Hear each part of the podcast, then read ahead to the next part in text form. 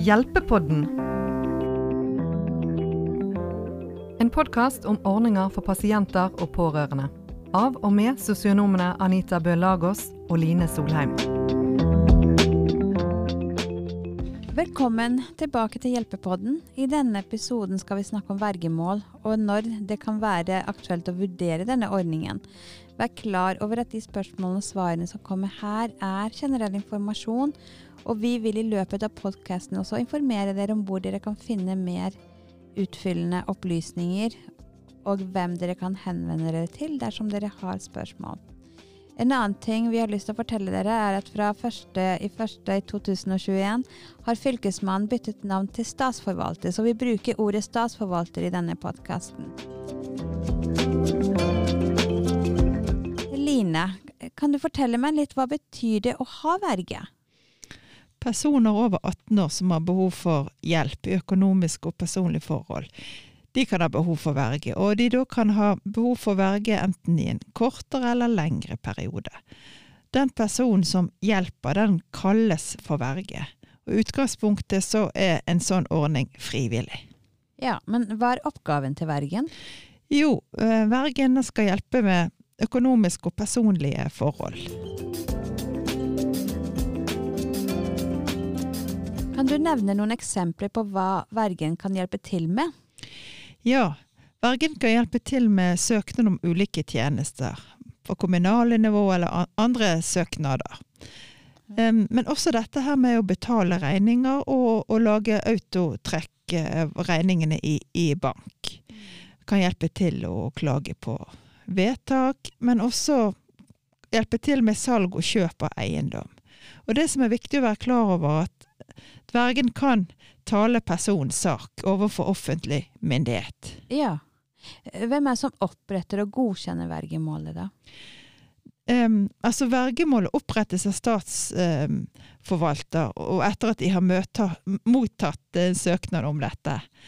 Og Søknaden kan komme fra ulike personer, enten fra personen selv, familie, slektninger eller lege.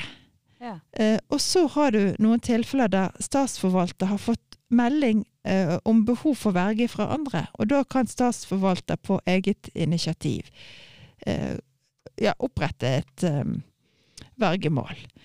Eh, og så har man kommunens omsorgstjeneste eller institusjon der denne personen bor, har en plikt å gi beskjed om eh, til statsforvalter at en person har behov for verge. Da kan man også opprette på denne mm. måten. Ja.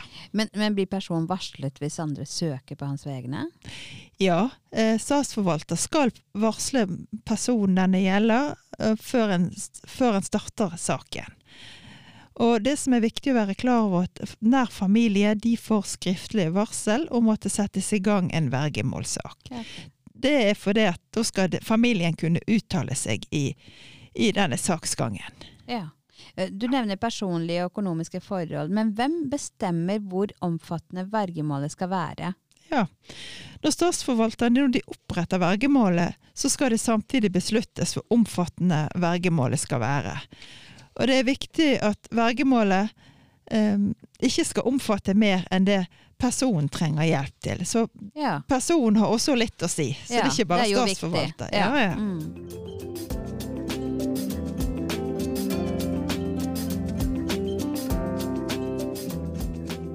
Hvem, hvem, kan bli utnevnt som verge? Jo, eh, det kan være ektefelle, samboer, barn eller foreldre kan også oppnevnes hvis det vurderes som uproblematisk. Og det kan også vurderes at en utenforstående utenfor familien kan oppnevnes hvis det er uenighet i familien. Mm. Eh, og denne utenforstående vergen det kan f.eks. være en advokat eller en, en, annen person som statsforvalter godkjenner. Ja. Vi ser jo det at det er mange som nevner samtykkekompetanse når de snakker om verge. Eh, kan du forklare meg litt hva samtykkekompetanse betyr? Ja, eh, samtykkekompetanse det er Det går på persons evne til å forstå innholdet i en handling. Og forstå konsekvensene av av handlingen som en velger. Um, enkelte sykdommer, funksjonsnedsettelser eller skader eh, kan gjøre sånn at en ikke lenger klarer å forstå innholdet i, i handlingen. Mm. Det er sånn at man, man klarer ikke å ta en beslutning på egen hånd. Man trenger hjelp. Ja. Ja. Men, men kan, kan man være samtykkekompetent på noen områder, og på andre ikke være samtykke? Ja, Ja. det kan. På, Kan du forklare dette nærmere? Ja, en person kan ha begrenset samtykke. Det vil si at han og hun kan ha samtykkekompetanse på noen områder, og, og, og ikke på andre.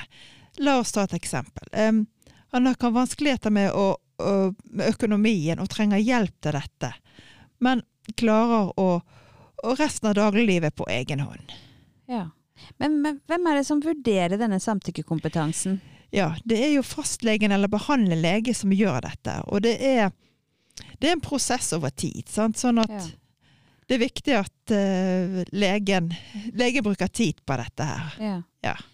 Eh, Line, du som sykehussosionom, møter du pasienter som ønsker verge med samtykke?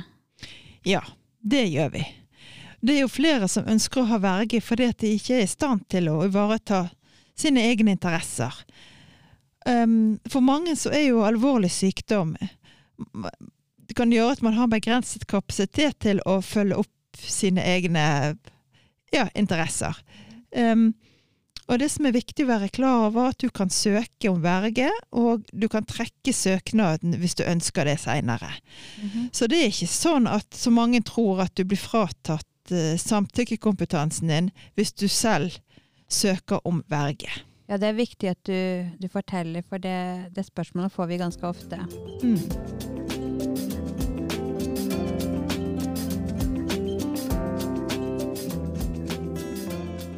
Må, må jeg betale for det, verge, Line? Ja, hvis du har en privat verge, dvs. si en av dine nære pårørende, så kan du måtte betale for, øhm, for dette i noen særskilte tilfeller.